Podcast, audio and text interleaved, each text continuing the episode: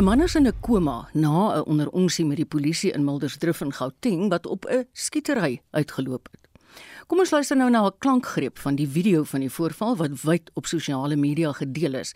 Ons waarsku maar net, dit kan sensitiewe luisteraars ontstel. Ons begin. Now, now, now you are playing dangerous. Guys, guys, Who's playing guys. dangerous? Who's playing dangerous? Let me relax. Who's playing dangerous? You fucking coward. Gosh, you're supposed to protect us, really. You- These guys. These guys. Ma'am, I'm ashamed of you. Ah, ah. I'm sorry to say. Ah, can you leave my premises, please? Gaan net agtertoe staan. Can you leave my premises, please? I can, I'm not asking you if or when or what. Take it, guys. Shoot me. Shoot me. Let me relax. Shoot me. What are you doing, sir? Shoot me.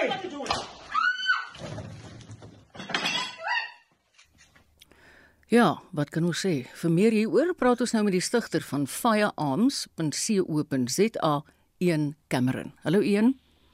Goeiemôre. Jou algemene reaksie op hierdie gebeure? Ek dink in die eerste plek is dit 'n dis 'n tragedie. Hier's nie hier's nie 'n wenner in in in hierdie in hierdie debat of hierdie geveg nie. Ek het nou verskeie en ek gaan nou maar algemeen kommentaar lewer. Ek het ek het verskeie sosiale media uh plasings gesien wat mense nou probeer maak of net die polisie reg was of net uh die persoon wat geskiet is reg was en en ongelukkig kom ons vat die polisie se optrede eerstens. Ehm um, ek dink daar's verskeie dinge wat hulle anders kon gedoen het om te gekyk het hoe hulle die situasie kon de-eskaleer. So met ander woorde, as hulle dit de- gede-eskaleer het, kon hulle byvoorbeeld gekyk het hoe kon hulle hom uh rustiger gepraat het, hoe kon hulle duideliker gekommunikeer het, kon hulle hom voor die tyd met uh iets soos pepersproei of 'n tomfa of wat ook al die metode mag gewees het, kon hulle hom op daai manier in boeye gekry het sou hy 'n bedreiging ingehou het. Die ander ding wat ons in ag moet neem is ons sien tans net wat in die video gebeur het. Ons moet onthou dat daar verskeie ure voor dit 'n Mm. hele aanloop tot hierdie storie was en dat daai polisie uh bygekom het as ondersteuning vir beamptes wat reeds voorheen daar was. Uh voor ons weer praat oor die polisie net in terme van sy optrede. Op die oog af as 'n mens kyk na die video, is sy optrede buite orde. Sonder om om uh, te spekuleer, as iemand voor my 'n vuurwapen gaan rondswaai, het sy 'n uh, gelisensieerde of nie gelisensieerd nie, is onverantwoordelike optrede. Die feit dat hy in 'n fisiese geveg of stoeiery betrokke raak met 'n vroue polisiebeampte, ongeag haar geslag, die feit dat hy met haar in 'n gestoei betrokke raak, haar wapen afvat, is reeds genoeg rede vir die polisie om op te getree het soos hulle het. Nou sê baie mense, maar wat van 'n waarskuwingskoot? Daar is geen protokol in die polisie of geen een, enige president wat sê hulle moet 'n waarskuwingskoot skiet nie. Nou, dit in ag geneem sou mense sê, maar hoekom hom dan nou in die kop skiet? Ehm um, hoekom het hulle hom nie elders in sy liggaam geskiet nie? Want hy het 'n gelaaide vuurwapen of twee in sy besit gehad op daai stadium. As hy gewond was en hy het begin terugskiet, kon 2 of 3 of 4 polisiebeamptes ook hulle lewens verloor het. Ehm um, hierdie is net 'n slegte situasie in terme van die polisie se opleiding. Dink ek hier's 'n 'n paar lesse. In die eerste plek, hoekom het hulle nie duidelik gekommunikeer nie? 'n Mens kan nie daar sien wie is in beheer van die situasie nie.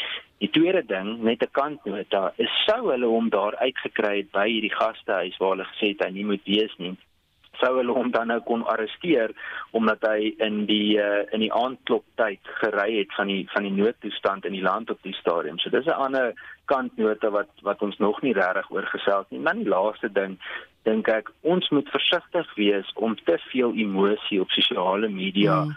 ehm um, te gebruik wanneer ons nou kommentaar lewer. Dit is belangrik dat die gereg sy gang gaan. Daar is 'n ondersoek aan die gang. Ehm um, op die oog af kan ons sê die polisie se opleiding moet beter wees. Daar's 'n klomp punte waardeur ons kan gaan ehm um, uh, wat wat hulle beter kon gedoen het en terselfdertyd is daar dinge wat hy anders kon gedoen het. Aan die einde van die dag dink ek hierdie is 'n 'n 'n baie slegte uh ervaring vir wettige vuurwapeneienaars in die land, Ja. uh, veral die wat wat wetsgehoorsaam is en dit gee vir hulle 'n slegte reputasie en dit doen net verder afbreek aan die polisie se reputasie wat reeds nie in 'n goeie toestand is nie. Ian, bewys on, vir my en van die luisteraars net 'n guns en gee net vir ons in twee sinne. Wat was die agtergrond? Was dit by 'n gastehuis en hy het nie daar gehoord nie en hy het toe weggegaan en as ek reg is het hy toe 'n vuurwapen gaan haal. So hy het ehm um, uh hulle het vroeër daar aangekom, hulle het laatmiddag daar aangekom volgens my verstaan. Uh daar was 'n uh, uh, argument gewees tussen hom en die eienaars of die bestuurders van die uh, van die gastehuis.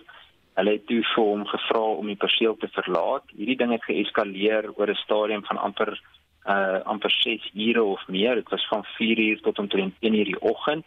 Ehm um, en uh, en en toe, toe die polisie nou betrokke geraak. Hy het in daai tyd het 'n vuurwapen gaan haal. Hy het hom oorgelaai wat al reeds genoeg rede was vir die polisie om in te tree. Ja. En as ek dit reg verstaan het hy hom rondgeswaai voor die polisie. Absoluut, hy het hom rondgeswaai. Hy het die een polisievrou se vuurwapen by haar gegryp. Ehm um, en uh, met die het hy die die uh, ek noem dit sommer nou die bandjie waaraan hy vasgemaak is om uh, om om om hom aan haar lyf te hou of aan haar liggaam te hou het hy selfs gebreek. So ehm um, so daar's 'n klomp uh, klomp dinge wat ongelukkig teen hom tel net so ook die polisie se optrede. Weet ons of hier alkohol betrokke was? Is baie moeilik om te sê volgens my ek uh, ek het nou klomp kommentaar gelees waar mense sê daar was um, maar volgens my is dit spekulasie mm. ek dink dit sou ook onregverdig wees weer eens om uh, om te veel te spekuleer ja. ons kan net gaan op wat ons gesien het mm.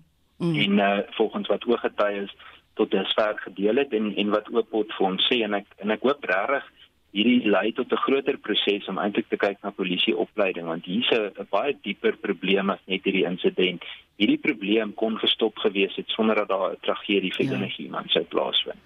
Een, jy's nou van firearms.co.za. Wat kan vuurwapeneienaars uit hierdie voorval leer? Ek dink mense moet uh, moet eerstens besef dat daar oor genoeg ruimte binne die raamwerk van die wet is vir jou om jouself te mag verdedig. Ehm um, wanneer jy 'n vuurwapen het uh en dit is binne die wet gee dit wel nie vir jou die die reg om onverantwoordelik op te tree met daai wapen nie. Maak nie saak wat die omstandighede was wat aanloop gegee het tot hierdie spesifieke insident nie. Uh die manier hoe die vuurwapen hanteer was, die een wat hy gaan haal het, hoe hy hom oorgelaai het, rond te laat val het, probeer optel het. Dit was verskriklik te mekaar dit was onverantwoordelik en en dit maak dit geweldig geweldig moeilik um uh vir die polisie om nie so te kon optree nie. So in kort, mense moet verantwoordelik omgaan met die hmm. vuurwapen. Um hierdie gee het die potensiaal om 'n baie slegte reputasie te gee oh ja. vir wetsgehoorsame vuurwapeneienaars in Suid-Afrika. Baie dankie Ian. Dit was die stigter van firearms.co.za, Ian Cameron. Ons bly by die onderwerp. Ons praat nou met 'n misdaad en polisieeringsontleder, Dr. Chris de Kok. Hallo Chris. Goeiemôre en goeiemôre aan die luisteraars. Kyk, soos ons nou gepraat het, ons weet nie regtig wat gebeur het of wat gesê is voor die video begin het nie. In die lig van dit wat ons wel kan sien. Hoe sou jy voorstel moes die polisie hier opgetree het? Hoe moes die polisie opgetree het? Ja. Wel, ehm um, ek dink ek dink daar's nie ek het nog geluister wat Ian sê, daar is probleme met die polisie se optrede, maar aan die ander kant, ek wil eintlik begin by die begin en dit is ek wil nie oor die spesifieke voorval praat nie. Ek wil hmm. dit as 'n voorbeeld gebruik. Uh, dit is totaal onverantwoordelik van 'n lid van die publiek om af te storm op die polisie, uh hulle te vloek, uh 'n vuurwapen vir hulle te wys, eintlik vir hulle te sê, "Wel, ek gaan ek het 'n vuurwapen, ek haal gou my vuurwapen." Die vuurwapen oor te haal dat daar volgens beweringe patrone op die vloer geval het. En so hulle kan sien hy's gelaai nou en hy's gereed om afgevuur te word. En dan nog verder te gaan. Eintlik eintlik is die vraag hoekom hulle nie eerder opgetree het nie. Hmm. Maar dan nog verder te gaan en 'n polisie beampte se se vuurwapen van hom of haar af te vat.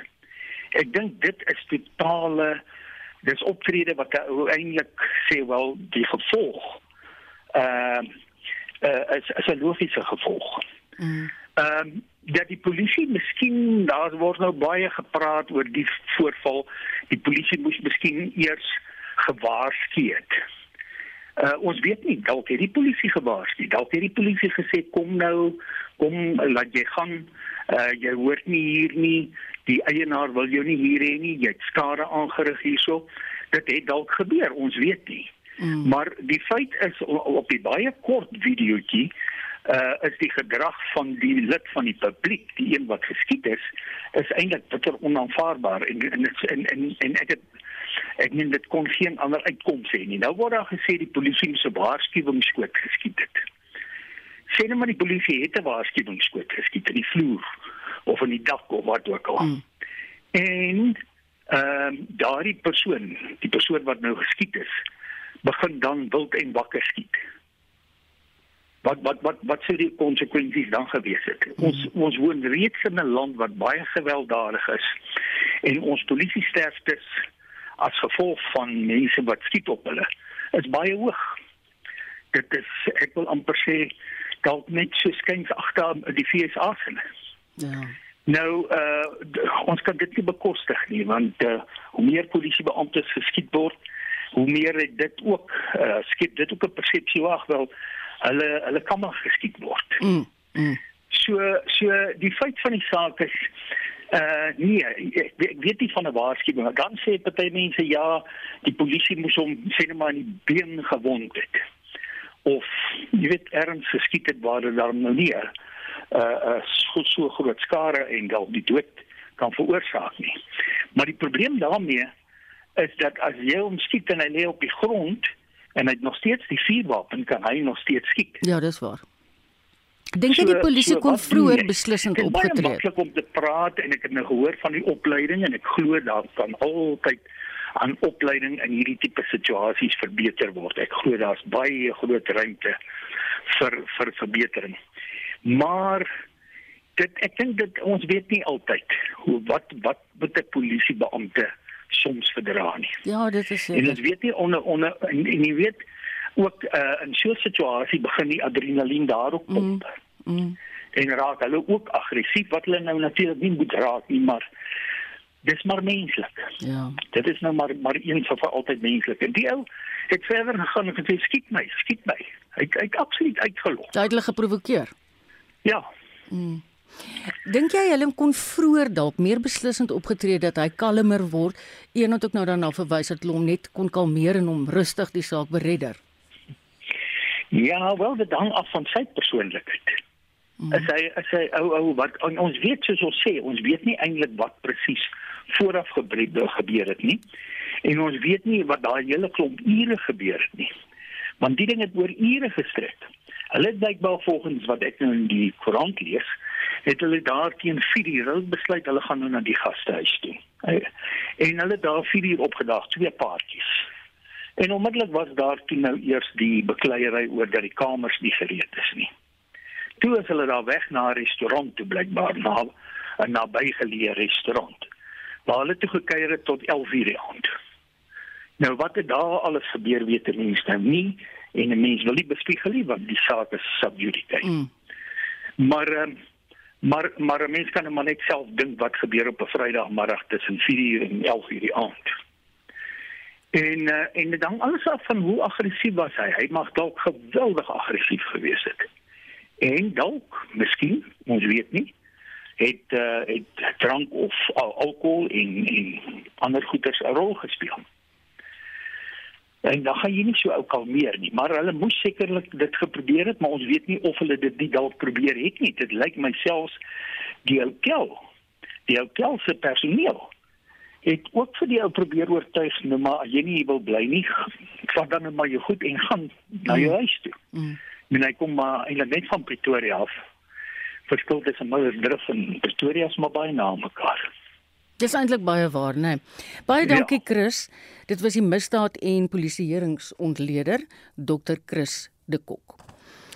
Ons het heelwat stories wat vir ons wag vanmiddag en um, ons gaan Ons gaan nou aanskuif na 'n persoon toe wat ons gister ook mee gesels het, nou te dag al verloop. So kom ons hoor. Gesprekke oor die moontlikheid van koalisies in stadsrade soos Johannesburg, Tshwane, Ekurhuleni en eThekwini is op dreef. Die eerste raadsvergaderings moet alteen volgende Dinsdag plaasvind. Nou die Vryheidsfront Plus het vergaderings met verskeie oppositiepartye, soos die DA, Action SA, die ACDP en die IDM gereël. Vir meer hieroor praat ons nou met die Vryheidsfront Plus se hoofsweep in die parlement, Dr. Corneille Mulder. Hallo Corneille. Goeiemôre Marita. Vandat ek gister met jou gepraat het tot nou toe, hoe vorder die koalisiegesprekke? Maar dit het al baie goed gebeur. Ek is terug in Kaapstad hier is verder gespreek. Kornay, Kornay. Ek gaan jou Ja. ek gaan jou gou-gou in die rede val asseblief. Ons het 'n vreeslike swak lyn na jou toe. Ek kan letterlik niks hoor wat jy sê nie en ons wil graag hoor wat jy sê. Een van die dinge wat ek graag vir Corneil wil vra is ek het nou gehoor daar is aan die Weskus 'n munisipaliteit wat die DA met die hulp van die Vryheidsfront Plus, maar toe nou ook met die EFF kon deurslip sodat die ANC nou in die oppositiebanke sit. So dit sal interessant wees want vroeër is gesê die Vryheidsfront Plus sal beslis nie met uh, die EFF in koalisie gaan nie. Maar ek dink ons 11 uur nuusbulletin het gesê die DA en die Vryheidsfront Plus is bereid om in 'n koalisie te gaan toe bied die EFF aan of hulle die groep kan uh, die mooi Afrikaanse woord vir join, jy weet, daar kan aansluit. Kom ons gaan net terug weer na hierdie inleiding toe. Ons het gistermiddag ook met Corneil Mulder gepraat en dit gaan oor die vergadering wat die Vryheidsfront Plus gehou het met 'n klomp ander partye sodat hulle kon gesels oor koalisies. Weer 'n keer hallo Corneil. Maar dit is ook is beter. Ja, sy is Dit baie beter. Dit is beter. Sê vir my asseblief het julle gesprekke gevorder? Of is dit was 'n goeie gesprek met teenwoordigers op die partye wat ons toe genooi het. Die was daar, ek SA was daar, die ACD, die M Pacific Alliance was daar, die Vryheidsfront Plus was daar, die IDM was daar en hulle leiers was almal daar. Dit was 'n goeie gesprek, dit was 'n konstruktiewe gesprek en dit was lankal noodsaaklik.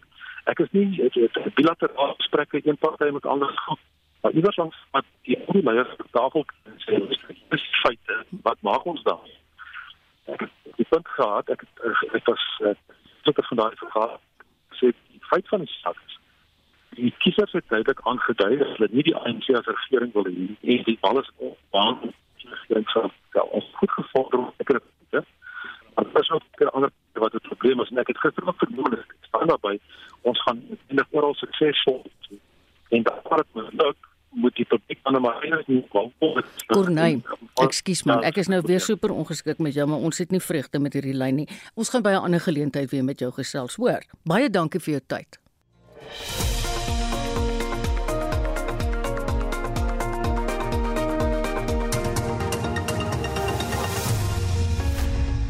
Dis bykans 25 minute oor 12 jy's ingeskakel op RSG en jy luister na die program Spectrum.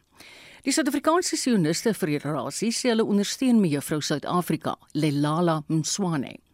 Dit na die regering sy steun aan die mevrou heelal kompetisie in Israel onttrek het. Die saak maak al sedert verlede week opslaa nadat die mevrou SA organiseerders in 'n verklaring bevestig het dat Mswane wel in Desember in Israel aan die internasionale skoonheidskompetisie sal deelneem. Swane word oorlaai met versoeke om die kompetisie te boikot en Palestynse vla is oral in die kommentaarafdeling op haar sosiale media te sien. Vir meer hieroor praat ons nou met 'n kundige in internasionale betrekkinge, Dr Oscar van Heerden. Goeiemôre Oscar. Goeiemôre Marieta en goeiemôre aan die luisteraars. Hoekom ondersteun die regering nie Mswane se besluit om in Israel deel te neem nie? Wel ek dink kyk hulle is hulle moes by hulle beginsel, soos jy weet die regerende party by 'n laaste konferensie in 2017, hulle nasionale konferensie het 'n besluit geneem in terme van hulle solidariteit met die Palestiniese mense uh, in die Palestiniese staat dat hulle gekant is teen die onderdrukkende staat van Israel en die feit dat hulle ook ehm um, solidariteit uh, wil wys teen die Palestiniërs uh, weet gegee die Palestiniese mense en toe besluit hulle hulle gaan soos jy self weet hulle eie uh, ambassade mm. se status verander um, mm. en dit was gedoen onder die leierskap van uh, Sisulu destyds te sê minister van buitelandse sake was. En ek dink hulle hulle hou net op daai beginsel om te sê hulle stem nie saam met uh, wat hulle noem die apartheid Israel nie en hoe die mense van Palis, uh, Palestina uh, gehanteer word daar nie en onderdruk word nie. En ek dink dis hoekom hulle gekant is teen uh, hierdie hierdie situasie. Oscar, wat is die amptelike Suid-Afrikaanse beleid, buitelandse beleid oor Israel? Kyk, hulle het hulle het onderhandeling uh, en en hulle het uh, hulle het baie goeie verbandhouding met Israel. Israel speel 'n groot rol in die ekonomie van Suid-Afrika. Ehm um, natuurlik uh, stuur ons baie van ons goedere na Israel toe, maar daar is daai tensie. Daar daar is daai daai uh, tens situasie wat wat tog sê gegee ons eie beleid teen die apartheidstelsel. Ehm um, en en die feit dat ons as swart mense uh, oor die groot gro oor groter meerderheid onderdruk was deur die staat. Ehm um, uh, voel ons dat daar solidariteit is met die Palestiniërs. Ehm um, en ons voel dat die Israeliese regering ehm um, 'n soortgelyke beleid het soos die apartheidstelsel teenoor die Palestiniërs en ek dink dit maak dinge 'n bietjie uh, gekompliseerd van die Suid-Afrikaanse regering probeer om daai verbandhouding op 'n goeie voet te hou maar soos ek sê die regerende party mm. self mm. Uh, wil graag hê dat daar nog steeds ehm um, daai solidariteit moet wees in ons benadering aan aan Israel moet 'n bietjie meer circumspect wees en ja. ek dink dit is 'n probleem. Oscar, die organiseerders van die Mevrou Suid-Afrika kompetisie sê tog duidelik in hulle verklaring hulle is nie 'n politieke organisasie nie. Hulle gaan sover as om te sê mense wil nou nie hê die kollig moet op ons maar net val nie. Het die organisasie nie wel 'n mate van diplomatieke belangrikheid nie? Nee, definitief. Kyk, jy weet die feit van die saak is ek soos ek self soos ek self kan myself indink maar dit nou die die benadering van die van die regerende party, die aktiviste in die ANC sal sê dat as dit nie was vir nie politieke partye uh nie uh, politieke organisasies gedurende die apartheid jare nie uh kulturele organisasies, sportorganisasies en dis meer wat almal gekant was teen die apartheid regering mm. wat geboikot het en sanksies ingebring het, dan sal ons nie ons eie vryheid gekry het nie. Ja. Ehm um, en ek dink dis hoekom hulle nou sê alhoewel die organisasie nie polities is nie, daar is nog steeds 'n onderdrukkende staat en 'n beleid in in Israel en ons wil graag hê dat alle organisasies, kultureel, sport en anders meer ook daai van daai oogpunt af moet ja. sien en ek dink dis hoekom hulle nou druk plaas op op hulle. Oscar, as jy vir 'n oomblik Lelala Mzwane is, wat sal jy doen? Kyk, dis 'n baie moeilike situasie. Ek weet nie hoekom aan die begin as ek nou mooi kyk, aan die begin Marita het sy self besluit sy gaan nie deelneem nie. Ehm um, dis hoe ek die berigte gesien het. En toe later toe kom die organisasie uit en sê nee, sy gaan deelneem en sy is toe nou op daai sy toe nou besluit sy gaan of sy nou aan uh, jy nou weet of sy verandering het of sy besluit het nee, sy wil graag die die die die uh ehm um, so so soek iemand ja. Nee nee nee. Ja. So so in ander woorde, sy het sy toe nou uh jy weet sy het verander na opinie en ek weet nie hoekom nie. Ehm um, is 'n baie moeilike situasie wat sy self in begin en ek dink tog dis onregverdig om haar onder hierdie druk te plaas. Ja. Maar soos ek sê, ongelukkig in hierdie situasies wanneer dit kom by hoë drama in die politiek en dan dan ewe dan ons word almal behels in, in terme van individuele. Baie dankie Oscar, dit was 'n kundige op die terrein van internasionale betrekkinge, Dr Oscar van Heerden.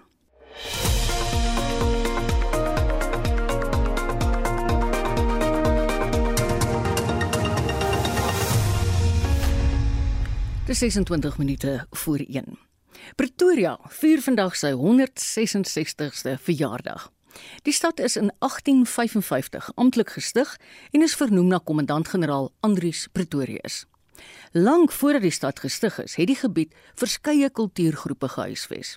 Professor Anton van Vollenhoven van Arga Ethnos Argeoloog is ook verbonde aan die Noordwes Universiteit. Hy het 'n boek oor die stad geskryf wat in Desember vrygestel word. Tydens 'n besoek aan die Voortrekker Monument het hy aan Marlenae Forsie gesê die vroegste tekens van menslike teenwoordigheid in die streek strek so wat 'n miljoen jaar terug.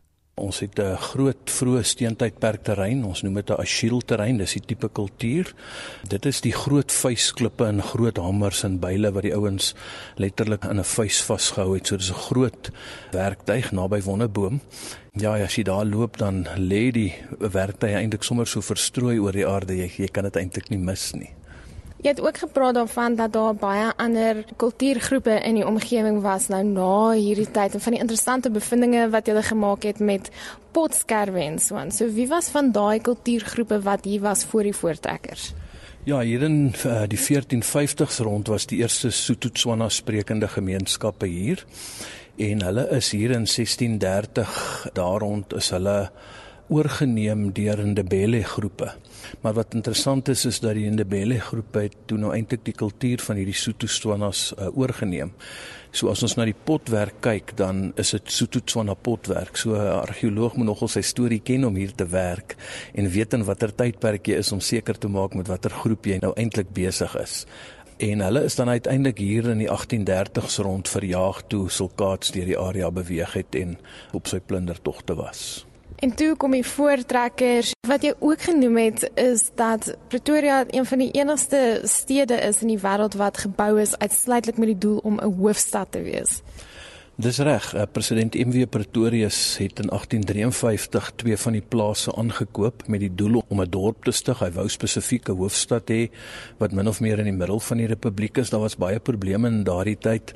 Die volksraad het op verskillende plekke vergader uh, en die ouens het nie altyd was nie altyd lus om te reis nie.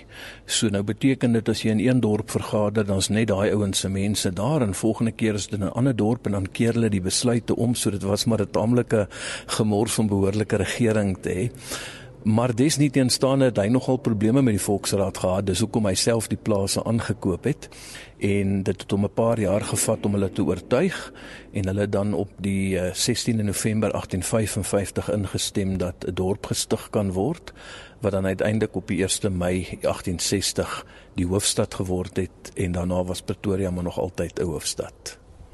Dit staan ook bekend as die Jacaranda stad want hier is verskriklik baie jacarandas, maar dit is glad nie 'n inheemse boom nie. Wat is die storie agter die jacarandas?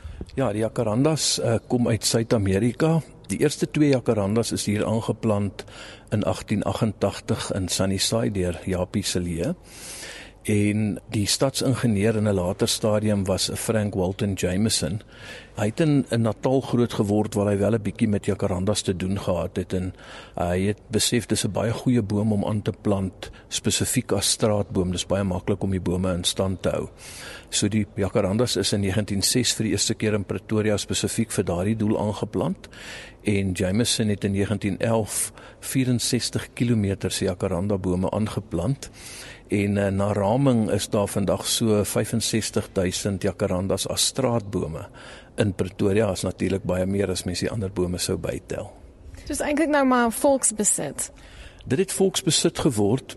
Ek sê juis iets daaroor in die boek dat Jacarandas het so deel geword van die kultuur van die stad. As ons dink aan al die liedjies wat daar geskryf is, en as ons dink aan die storie, die volksverhaal dat 'n student sy eksamen sal slaag as 'n Jacaranda blommetjie op sy kop val, dan sê dit vir jou dit het absoluut deel van die kultuur van die stad geword. So dis sekerlik dan ook gepas dat Pretoria as 'n Jacaranda stad bekend staan.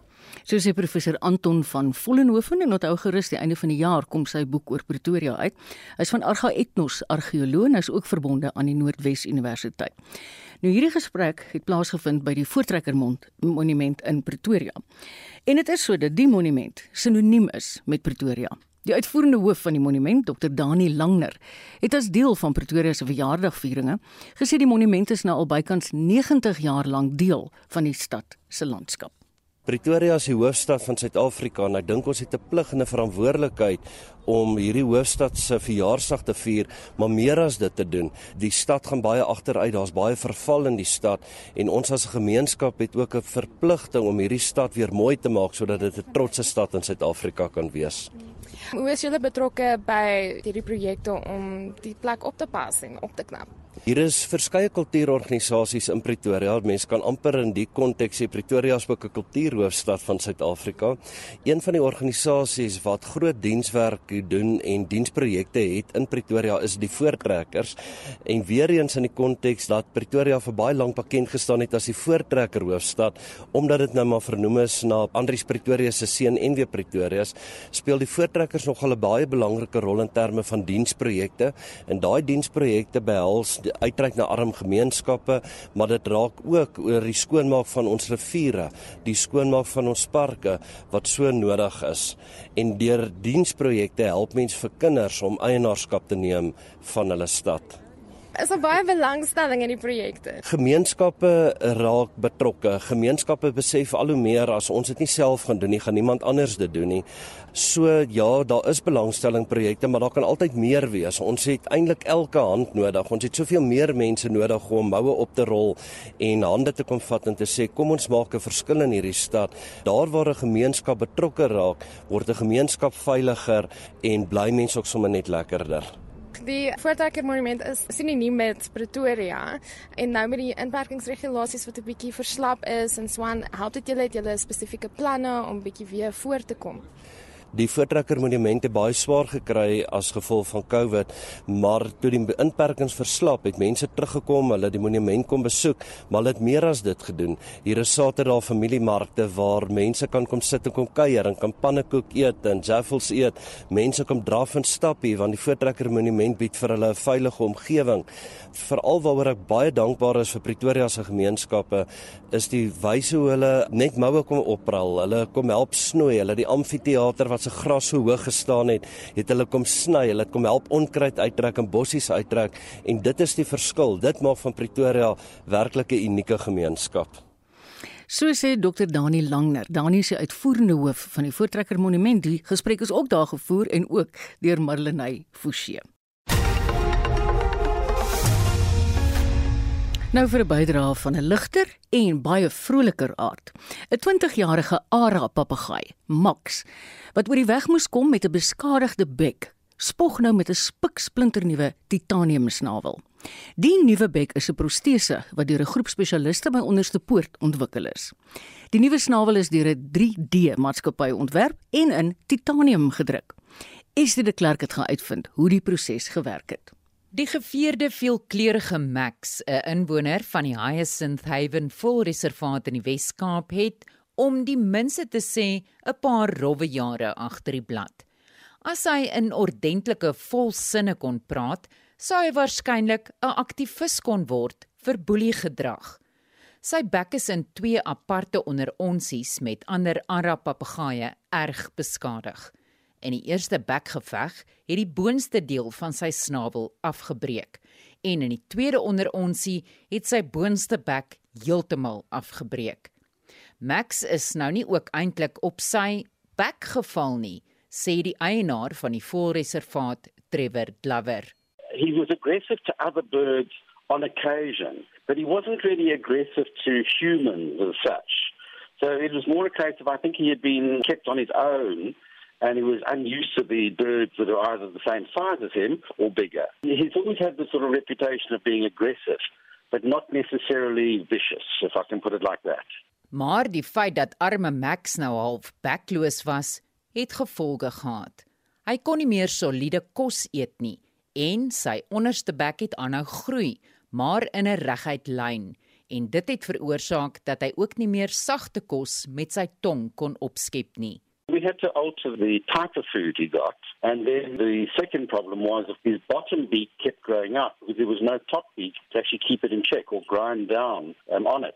And this is something that we discovered every six to eight months. We had to take about 10 to 15 millimeters cut off his bottom beak so that he could then, his tongue was able to get further than his beak to be able to scoop up the soft food and the finely chopped food that he was eating. Trevor het hom na 'n veearts in Plettenberg Baai geneem wat hom aanvanklik onder sy vlerk geneem het. I took him around to Dr. Brendan Tindall, who really is the only vet in this area who is comfortable with dealing with, with birds like this. You get a lot of comments from people, oh, why don't you just euthanize? It's a lot simpler. Yes, possibly it is simpler, but it's not fair for the bird who still can get a good quality of life. And Brendan's philosophy is very much like that. If the bird's a good quality of life, he will see what he can do about it. And right from the get go, he was talking about how we can actually give him a prosthetic beak and uh, looking at various options. And I think that sort of planted the kernel in my mind as to how to go about this because it was something that was completely foreign to me. But Brendan actually kept the bird with him, I took him home, and was able to get him to feed on soft food, you know, like banana, finely chopped apple that he can dab. As long as he could dab it with his tongue, he would be able to get it into his uh, throat. Hierna het Max lang mediese paadjie begin Eers is hy na Onderste Poort se Veeartseny Akademiese Hospitaal geneem vir 'n CT-skandering, maar toe is hy verwys na die radiografie afdeling van die Eugene Maree Hospitaal, waar dokter Craig Miller bepaal het dat 'n protese wel aan die oorblywende bek geheg kon word. Onder leiding van professor Gerard Steenkamp, 'n veearts-spesialis in tandheelkunde en kaakchirurgie aan die fakulteit van veeartsenykunde aan die Universiteit van Pretoria, is 'n nuwe bek vir Max ontwerp. 'n Hele groep spesialiste het saam aan die projek gewerk. Die nuwe bek moes vervaardig word deur 'n 3D-maatskappy Bunnycorp en is aanvanklik eers in hars gedruk, sê Philip van der Walt. Max het ingegaan vir 'n CT scan. Die CT scan gee vir ons 'n 3D van sy skull en daai tipe goeder. So hulle gaan kyk waar hy vasgemaak kan word, hoe hoe dit met been daar as sulke tipe goeder. Dan het ons die bekkie wat afgebreek het gevat saam met die impression wat gemaak is van die residual back. Dit word ge-3D scan en dan daai data kan ons dan saamsit om 'n nuwe 3D ontwerp te doen. So die ontwerp is gebaseer op foto's en natuurlik ook die scans wat saamsit. So ons probeer so naby as moontlik kom aan die ou original back as wat hy gehad het. Die harsweergawe van die back is toe op Max gepas en daarna is dit in titanium gedruk, sê Philip. Om die back in titanium te druk is amper die makliker gedeelte. Hulle doen al baie lank 3D drukke in titanium vir uh, implantate uh, op die mediese veld. Wat dit bietjie moeiliker maak is die eintlike ontwerp om die fitment reg te kry en seker te maak jy gaan 100% pas kry.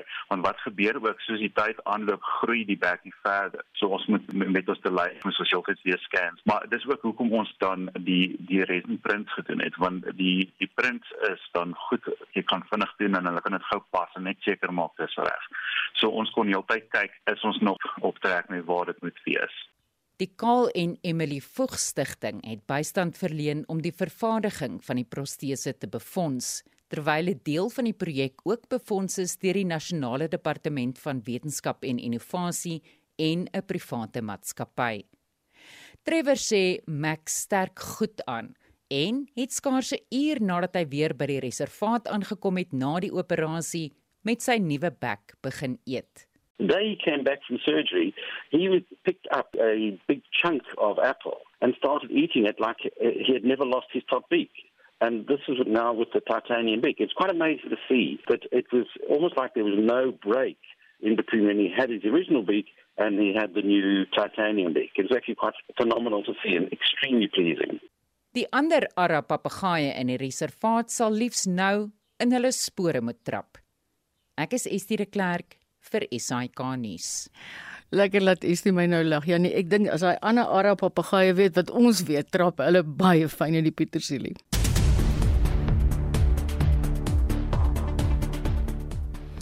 Ja, wel almal weet nou authenticiteit. Joan Marie is saam met my in die ateljee, né? Goeiemiddag. Ja, kom ons begin sommer met die jongste nuus. Die DA het meer besonderhede oor hulle koalisiegesprekke tydens 'n media-konferensie bekend gemaak. Die DA-leier, John Steenhuisen, sê hulle tree in gesprekke in met die oog op die 2024 nasionale regeringsverkiesing. 30 months away from the next national and provincial election. And so, what we've been very clear about doing is that we are looking at every situation today, not with an eye on this week, this month, this year, but also towards the 2024 elections, where we believe the real game is going to start to change in South Africa. We're going to break that logjam of South Africa's politics and start to put together a new majority at the core of the rational centre. Hy sê agter die DA gaan nie jaag om in vennootskappe te tree nie. While South Africa's electoral system clearly points to the fact that because we have a proportional representation system, that there would inevitably coalitions, our legislative framework is trapped in a winner takes all first past the post system. Uh, and so this makes it very, very difficult. So uh, we will be obviously trying to ensure that before we get to council meetings, we've got a strategy and a clear path of engagement going forward. It's very, very important that we don't just rush into coalitions for coalition's sake. We learned a lot of lessons as the DA uh, over the course of the last five years, and those learnings are being applied to the processes that we're undertaking over this period. Dan het hy ook bekend gemaak waar die DA reeds koalisies gevorm het. I can report today that in Matsikama, there was a DA mayor elected on, uh, on Monday, and that's a coalition agreement with the Freedom Front Plus and the DA.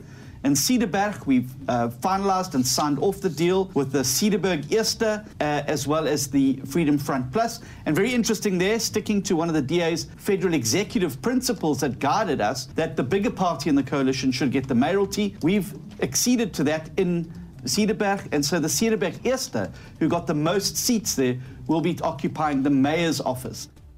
Dan sê Steenhuisen gesprekke oor koalisies in ander munisipaliteite is ook op dreef. These are in Saldanha Bay, Witzenberg, Breda Valley, Langeberg, Theewaterskloof, Cape Agulhas, George, Bitu, Dr. Bayer's Nordeer municipality in the Eastern Cape, Namakoi in the Northern Cape, and Siatemba in the Northern Cape.